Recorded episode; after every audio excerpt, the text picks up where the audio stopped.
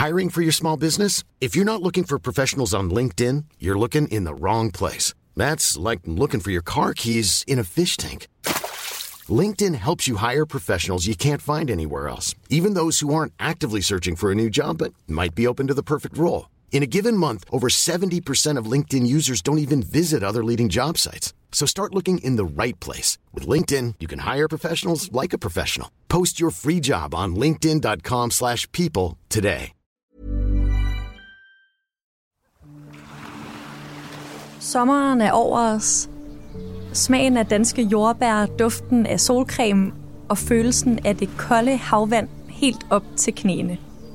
Til den anledning har jeg sammen med mine dygtige kollegaer forberedt en sommerserie til dig. Inden jeg tog på ferie, der inviterede jeg nemlig forskellige kendte ansigter fra den offentlige debat med til folkemøde på Bornholm. Her sad jeg på en scene lige ned til havnen i Allinge og interviewede dem om aktuelle emner. I den podcast, du skal høre i dag, der er det min kollega Esben Schøring, der taler med Christian Let om fremtiden. Jeg hedder Karoline Tranberg. God sommer og rigtig god fornøjelse med podcasten.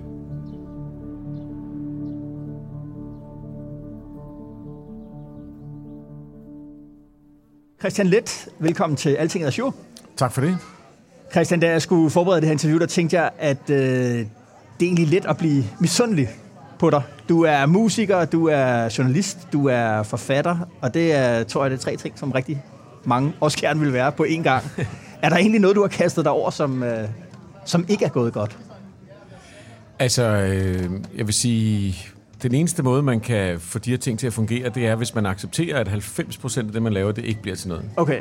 Så det vil sige, altså øh, langt det meste af det, jeg har forsøgt, det er endt i en skrivebord, eller skrivebordskuffe, eller på gulvet, eller... Aha.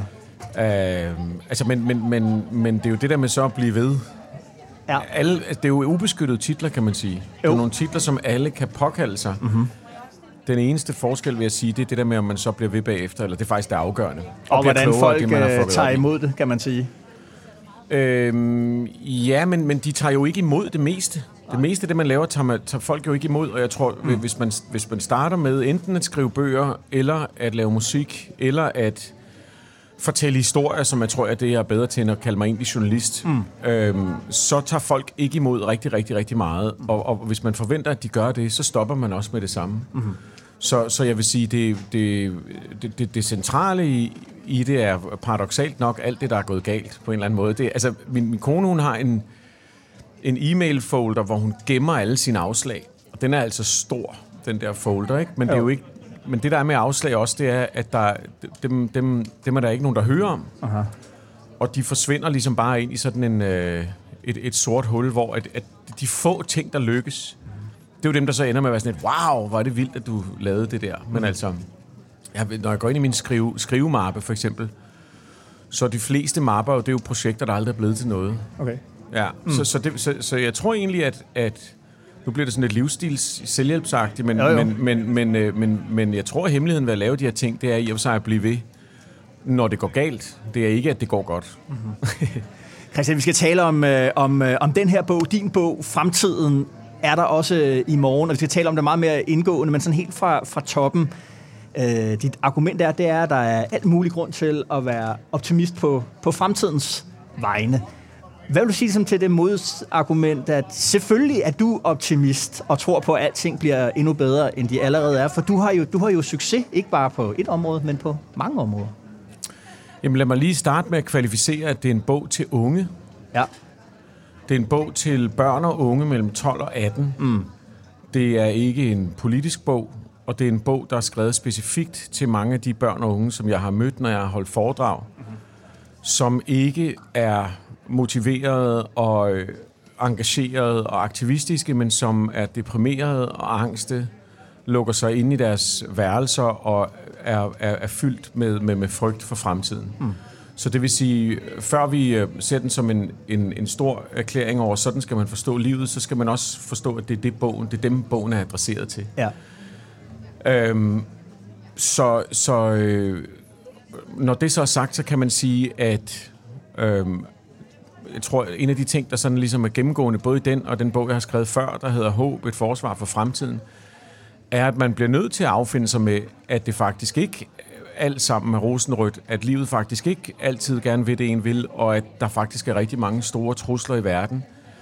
Og at man samtidig med, at man accepterer det, hmm. prøver at faktisk øve sig i at finde de ting, som vi gør bedre, at finde de ting, som vi er gode til, at finde de ting, som vi kan glæde os til. Mm. Fordi det er der, vi skal finde energien til at blive ved med at gøre verden til et bedre sted. Mm. Så, så, øhm, så øh, ja, så, så, så det kan du sige, det kan du så skalere på alle mulige forskellige planer. En af pointerne i bogen er jo også, at, at øh, den er skrevet til danske unge, og en af de ting, man bliver nødt til at have med, det er et perspektiv, der hedder, jamen, hvordan har danske unge det egentlig, eller hvordan har vi det i Danmark i forhold til rigtig mange andre steder, hvor de ikke har det på samme måde. Så, så jeg synes, det er, det er en vigtig, det er en vigtig pointe, at man faktisk kan forsøge at perspektivere sin egen... Øh, altså, der er noget paradoxalt i, at, at, at vi, os, der lever i denne her del af verden, hvor det går så relativt godt, at dem, der svarer mest forkert på, mm.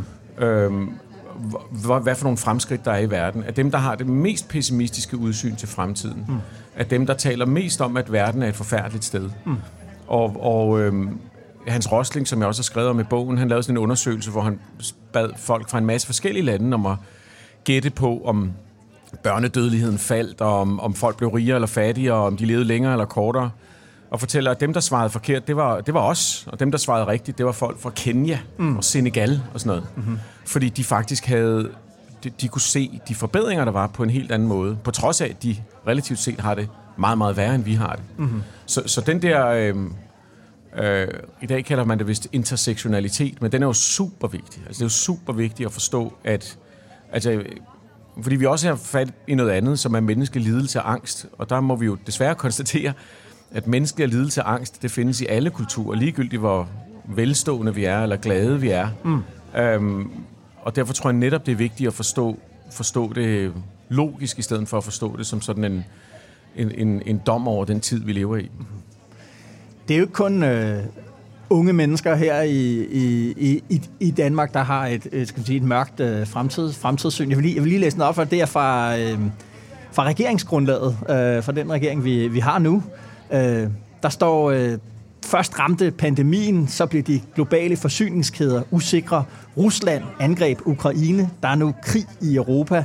Det har skabt en agrikrise, der blandt andet har været med til at skabe en rekordhøj inflation. Samtidig er der risiko for, at den europæiske økonomi går i recession, hvilket uundgåeligt vil sætte sig i stigende arbejdsløshed. Dertil kommer konsekvenserne af vores tids største udfordring, klima- og biodiversitetskrisen, som vi allerede nu ser konsekvenserne af. I store dele af den vestlige verden oplever vi også, at et stigende antal børn og unge rammes af mistrivsel og ensomhed. Mm. Kriserne griber ind i hinanden og forstærker hinanden. Vi kan hurtigt miste grebet om dem og om økonomien, hvis vi træffer de forkerte beslutninger eller, eller undlader at træffe de rigtige beslutninger. Den her samfundsbeskrivelse af kriser, der griber ind i hinanden, hvad siger du til den?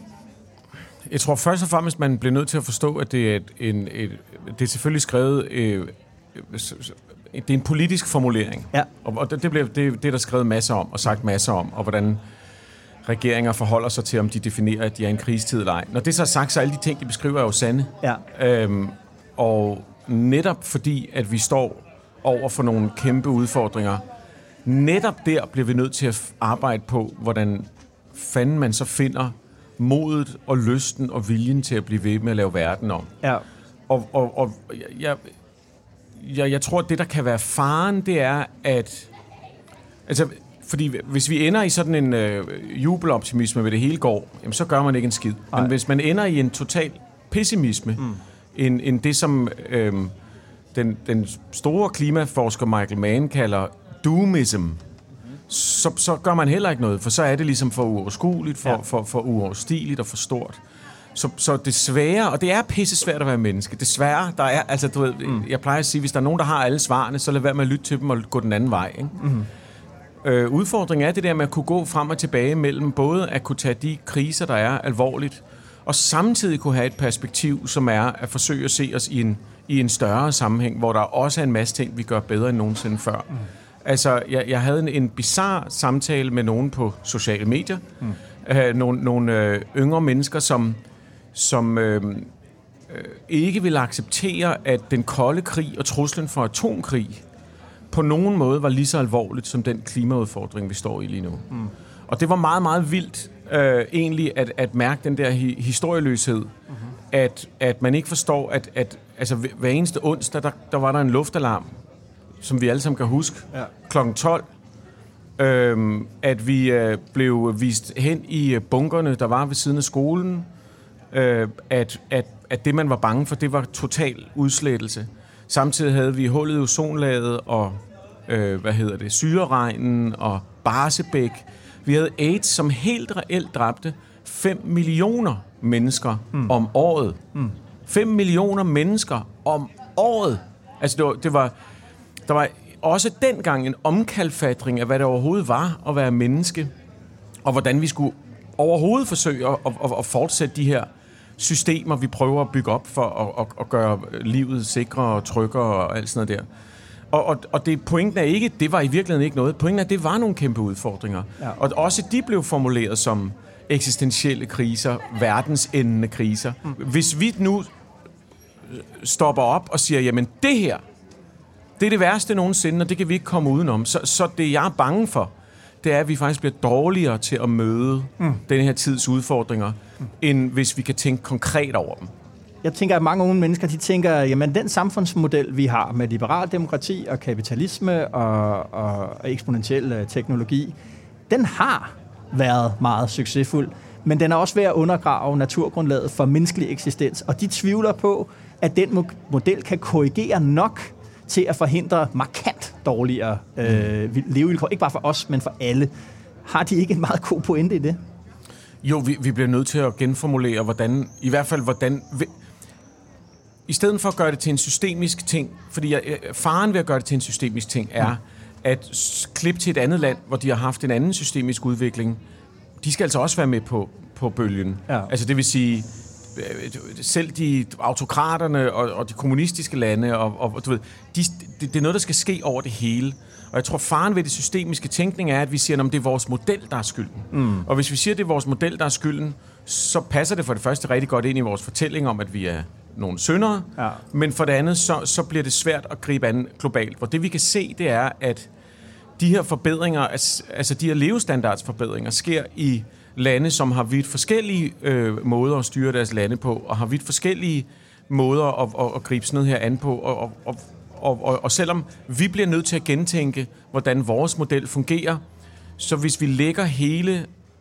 Jeg er meget påpasselig med folk, der har en politisk løsning på det, eller, eller har en ideologisk løsning på det her. Aha. Fordi at de ideologiske løsninger har det med at låse os fast i det, der også bliver sådan en form for nærmest religiøsitet. Mm. Det kan vi se på den måde, hvor jeg voksede op på venstrefløjen. Mm. Jeg voksede op med, at min mor, hun virkelig vidste, hvad økologi var, før der var nogen, der vidste, hvad økologi var i 80'erne, og, og vi havde sådan nogle swatch armbåndsure, oh. og dem skulle man tage af, før man sov, fordi der var de selvlysende visere, de kunne gøre os sterile, var hun bange for. Okay. Altså, det var virkelig sådan noget ja. rigtig økoagtigt noget, ikke? Okay. Øhm, så, og, og, og en del af vores slogans på venstrefløjen dengang for eksempel, det var øh, atomkraft nej tak. Ja. Og, det, og den der gule øh, klistermærke, det var ligesom øh, et, et meget, meget stærkt ikon. Mm-hmm. Problemet med, at det blev koblet med en idé om noget naturligt, noget ægte, noget autentisk, en bedre måde at leve på, vi havde før i tiden, mm. er, at nu hvor IPCC, altså FN, står og siger, jamen alle de grønne energimodeller øh, øh, skal vi fremdrive, men med på listen er altså atomkraft. Ja. Så ser vi, at sådan en organisation som Greenpeace, som virkelig er den gammeldags ideologiske miljøaktivisme, ja. de kan simpelthen ikke omstille. Mm. Og, og, og, og det er det, jeg er lidt... Jeg, jeg er meget påpasselig over for at blive fanget af min egen bias. At så snart jeg tror, at det er at det er det, det er det sande og det ægte, jeg har gang i, frem for den mest logiske løsning, uh. så er det rigtig svært at vende sig væk fra den. Uh-huh. Og videnskaben udvikler sig så hurtigt lige nu, øh, at, at vi bliver hele tiden konfronteret med nye løsninger, nye måder at gøre det her på, nye omstillinger, nye bud på, hvordan vi kan løse det. Mm. Og der bliver vi altså nødt til at være lette på tæerne på en eller anden måde. Vi bliver nødt til at være omstillingsparate. Så, så derfor er jeg jeg, så snart nogen kommer og siger, jamen det er det her, der er problemet, og det er det her, der er løsningen, mm. så, så mener jeg, at man skal tage et skridt tilbage.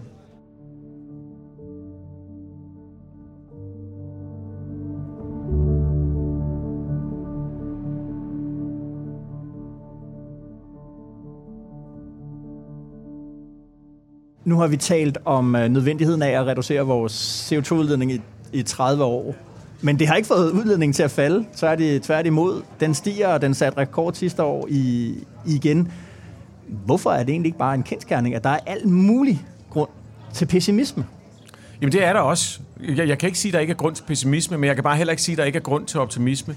Man kan nuancere det, du siger nu, og så kan man sige, at det vilde er, at i Vesten i de sidste 15 år, i, i, i langt de fleste i-lande, der er CO2-udslippet faldet. Mm. Øhm, og det vil sige, det, og, og det er ikke nok. Det er slet ikke nok, og det er ikke noget en sovepude.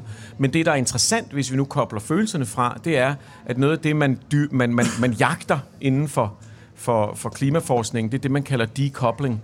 Altså hvor man kobler det har været sådan i løbet af de sidste 150 år, at, at, at CO2-udslippet er steget med levestandard, befolkningstilvækst og, og, og sådan øh, teknologisk niveau. Ja. Og der kan man se, at i løbet af de sidste 15 år ser det ud til, at i en, en voksende mængde lande, så de to ting blevet koblet fra hinanden. Okay. Altså teknologierne bliver mere og mere effektive, mm. og det gør, at, at Europa og USA har, har haft et faldende CO2-udslip de sidste mange år. Løser det vores problemer? Nej, men det giver os oh, en, en, en nøgle, hvor hvis ikke vi ser optimismen i det, og hvis ikke vi, vi handler på baggrund af det, mm. så er det, at vi kommer tilbage til sådan en model, der hedder, når men vi mennesker ødelægger alt, eller det hele er noget lort, eller ja. bare det, at vi er her, er, er, er et problem. Og der mener jeg, at vi bliver nødt til at holde fast i de der nuancer, selvom det er pisse svært, mm. og selvom det øh, øh, ikke klinger særlig godt i forhold til slogans og sådan noget. Jo. Øhm, men, men, men det er mere det med at sige, derfor bliver målet ikke, hvordan afvikler vi hele lortet. Målet bliver, hvordan gennemfører vi de forbedringer mm. i de lande, der ikke kan det lige nu, øh, og, og, og hvad er udsigten til det? Det er meget mere konkret. Hele tingen, som... Jeg, og læner mig meget op af de klimaforskere, som jeg har, nu har talt med i mange år og interviewet til denne her bog og bogen før, at, at man bliver nødt til at se på de konkrete strukturelle problemer, mm. frem for at lave meget store narrativer, som mm. virker fuldstændig uoverskuelige, og hvor vi faktisk ikke rigtig vi får den der, den der sådan bundløshed, hvor vi faktisk ikke kan mærke, hvad fanden det er, det hele handler om.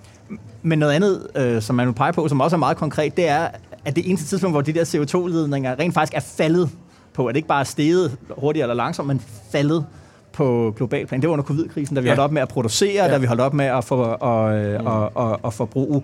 Det kunne man vel også ligesom sige, okay, hvis jeg knytter mit håb til noget, så skal jeg knytte det til det der, fordi det er måden at stoppe det på. Det er det kunne man sagtens gøre. At, at, altså, at, at altså, det her er super komplekst. Mm-hmm. Så, så snart man har en lidt for enkel løsning, som er, når man, når man det det, der er svaret, så... Altså, vi har for eksempel det fuldstændig klare, og det er en decideret moralsk udfordring. Det vil jeg godt vedkende mig, en moralsk udfordring, som er, at de lande, der bliver allerhårdest ramt af de klimaforandringer, der sker, mm. det er dem, der har allermest brug for, at vi bygger infrastruktur. Vi, vi, der var en, en uh, kæmpe orkan i uh, 70, tror, i Bangladesh, tror jeg det var, hvor der døde 50.000 mennesker. Og så var der en samme størrelsesorden uh, for nogle år siden, hvor der døde under 100. Og den eneste forskel, det er infrastruktur. Uh-huh. Den eneste forskel er, at det, der redder menneskeliv, grunden til, at altså, jordskældet i Haiti, som jeg har været i hele mit liv, var ikke et særligt stærkt jordskæld, men der døde 250.000 mennesker. Aha. Så det vil sige, at vi har en moralsk forpligtelse, som er at hjælpe lande med at blive mere modstandsdygtige. Men en af de ting, der skal til der, det er mere fremskridt. Mere, det er et betændt ord, mm. fremskridt. Men, men her mener det helt konkret, sådan ja. lokalt. Ja. Det er mere øh, produktion og mere energisammenhæng øh, og, og alt sådan noget der. Og mere CO2-udledning. Det, det, det, det er unægteligt lokalt, mm-hmm. som det ser ud lige nu men mindre, og det er derfor noget af det, jeg følger allermest, som jeg synes er meget mere interessant, end hvorvidt folk spiser kød, det er øh, vores udvikling med at udvikle cement og stål mm-hmm. øh, på en CO2-neutral måde. Og det er super usekset, og, og, og specielt i Danmark fylder det meget mindre i dækningen, end om en eller anden politiker har fløjet et fly eller et eller andet. Jo. Øh, eller om, altså du ved, vi har sådan lidt en ligusterhæks mentalitet i Danmark, men det er meget, meget mere interessant. Fordi at hvis der er en ting, vi ikke kan underkende, så er det, at vi bliver nødt til at blive, øh, bygge mere infrastruktur og, og, og hjælpe mm. de her udsatte lande. Så hvis vi kan, og lige nu så har vi det problem, at stålproduktion og cementproduktion er noget af det, der er sværest at omstille, fordi man ikke bare kan hive energien fra Men rammer det ikke et, et, et, meget, indrammer meget godt et andet, et andet modargument, nemlig at vi befinder os i en tid, hvor vi godt kan se, at vores mål og vores værdier, de kan ikke uh, gå op i en højere enhed på samme tid. Altså vi kan ikke både bekæmpe fattigdom og klimaforandringer på samme tid. Og med samme, og med samme øh, vægt. Ikke? Og ja, globalisering af teknologi og viden, det gav os hurtige vacciner mod covid, men det var også det, der gav de der forsyningskæder, den turisme, den infrastruktur, der gjorde, at det overhovedet blev et globalt problem. Altså står vi ikke i en radikal prioriteringsdiskussion? Øh, jeg synes, du formulerede det rigtig godt. Først, at det, ja, det er rigtig, rigtig fint, at, at vi må anerkende, at vi ikke kan komme, det ikke kan gå op i en højere enhed. Ja. Og det er faktisk det, jeg argumenterer for. Det her går ikke op i en højere enhed. Det er mange forskellige små og store kampe på forskellige planer, på forskellige steder.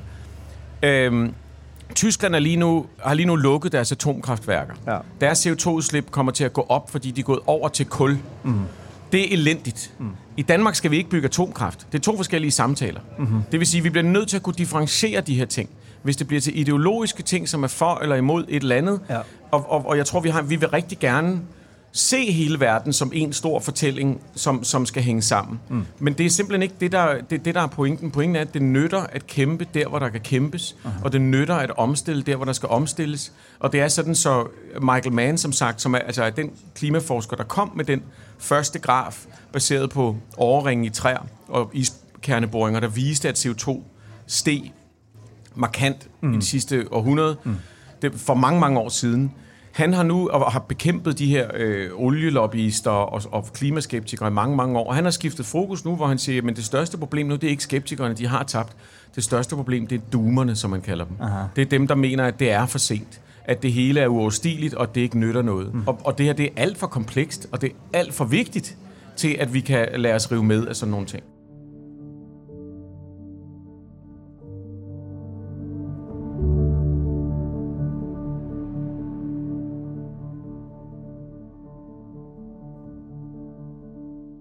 Syreregnen, som vi talte om i 80'erne, og ozonhullerne, som vi talte om i 80'erne. Prøv lige at fortælle, det, det er jo problemer, vi ikke taler om, om længere. Prøv lige at fortælle, hvordan, øh, hvordan blev det løst?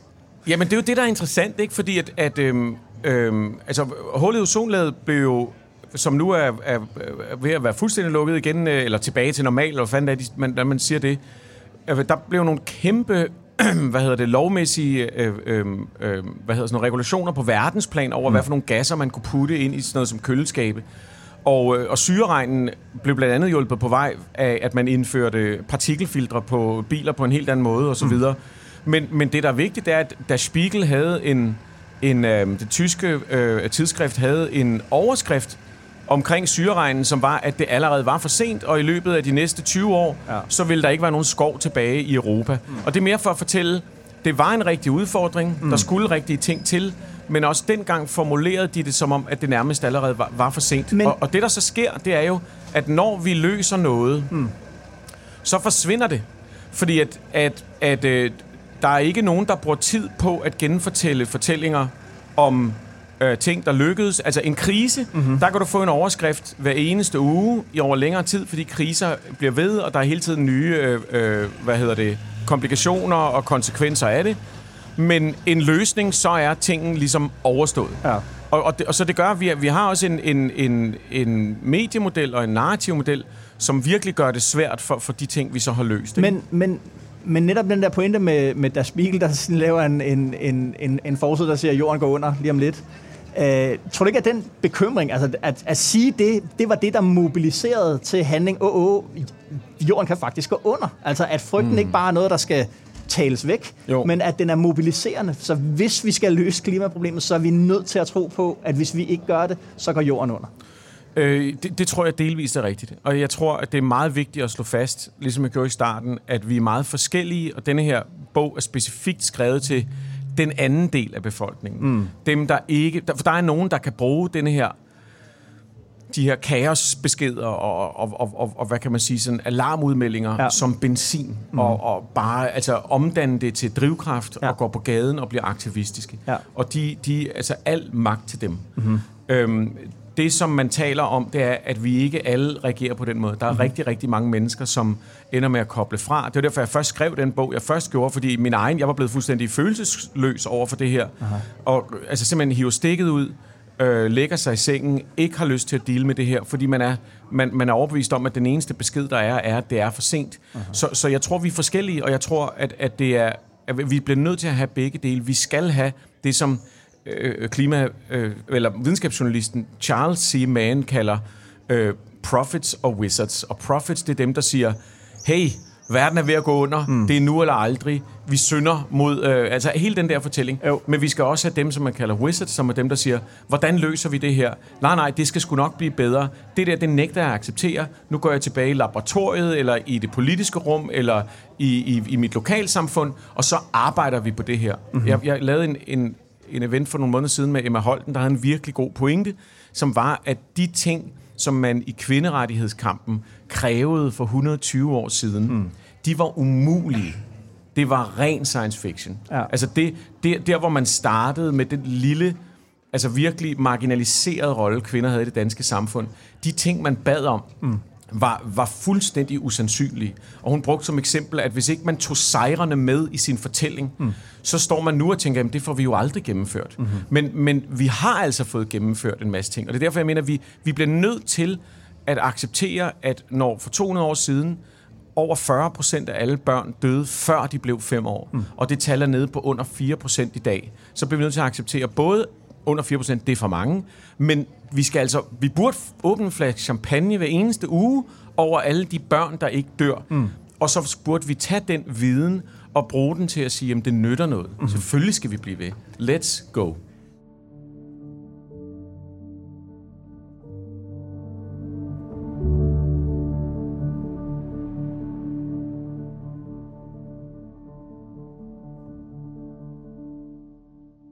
Taler øh, også nu om, at vi ikke skal opgive håbet, så kommer jeg bare til at tænke, det er måske også lidt teologisk, at er rigtig håb ikke noget, man gør, når man ikke kan gøre andet end at håbe? Når vi ikke bare kan regne med, at øh, teknologien øh, udvikler sig nok, der er nogen, der finder på noget et eller andet sted på, på kloden. Håb, håb, det er noget, der det er altid på trods.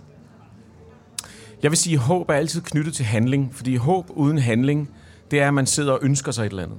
Hvis du skriver en ønskeliste og ikke sender den til nogen i din familie, mm. her når der bliver jul, Jo. så får du ikke nogen af tingene. Mm. Hvis, du, øh, hvis du ønsker dig, at, at du skal snakke mere med din ven, og du ikke ringer til ham, mm. så sker det ikke. Og så, så er håbet tomt. Og så er det ligegyldigt, og så fører det bare til de, de, depression. Mm-hmm. Håb er knyttet til handling, og det er derfor, jeg, jeg, jeg som, som faktisk begge bøger slutter med, det er, jeg tror noget af det vigtigste, det er faktisk at begynde at handle.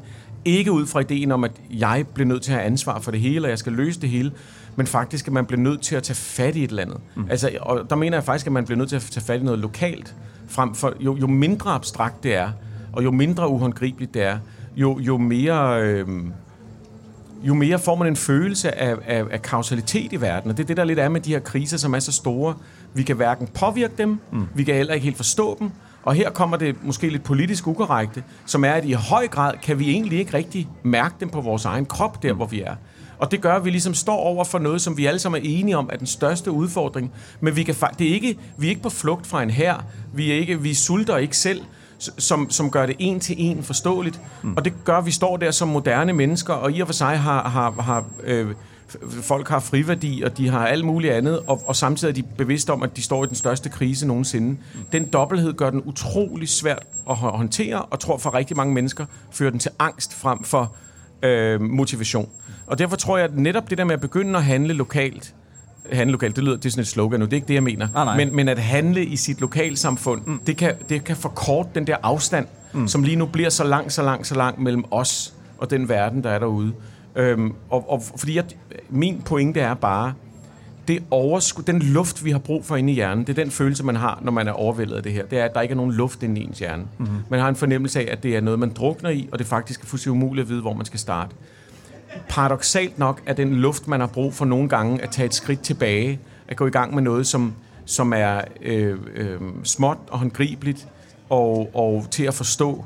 Og så kan man faktisk komme tilbage mm. til den der udfordring og, og gøre noget. Og, og, og så det er mit eneste, mit eneste mål er, hvordan, hvordan bliver vi aktive i det her? Altså det, så det er sådan, igen, intet, ingen af mine budskaber er til dem, der allerede er totalt engageret i det her dem, dem står jeg bare og hæpper på. Mm. Mit, mit, mit, min, min, øh, mit budskab er til, jeg har været rigtig meget ude at tale på højskoler, efterskoler og sådan noget der. Og det jeg godt fortælle dig, når jeg taler til voksne om det her, så har vi en interessant samtale om de her ting. Jo. Når jeg taler til ældre mennesker, der har været igennem nogle kriser i deres liv, så er de en del mere, øh, ikke læse færre, men sådan lidt, ja selvfølgelig, der er en større kontekst. Og når jeg taler til unge, så er det som at så er det som at stå og hælde vand på en blomst, der er ved at dø. Mm. Der er nogle mennesker, der ikke får at vide nogen steder fra, at det nytter. Og, der, og, og, og, og hvis deres forældre, øh, deres, de fleste forældre, tør ikke engang tale om de her ting. Og hvis der er noget, børn og unge godt samler op, så er det, når vi ikke tør tale om noget. Det er meget, meget værre, end hvis vi turde tale om det. Mm. Øhm, så det vil sige, det, det er til dem, jeg taler. Ikke? Det er til folk, der er kommet op til mig og har... Altså, det er en meget, meget rørende historie. Nu har jeg selv tre unger på 11, 16 og 19, så det er sådan... Det, det er helt klart, det er, du ved, det, kom, det kommer fra det sted. Ja. Christian Lidt, uh, musiker, historie, fortæller og forfatter til den her meget spændende bog. Fremtiden er der også i morgen. Tak fordi du gik forbi Alting er Showstudie. Tusind tak, fordi jeg måtte komme. Ja, tak.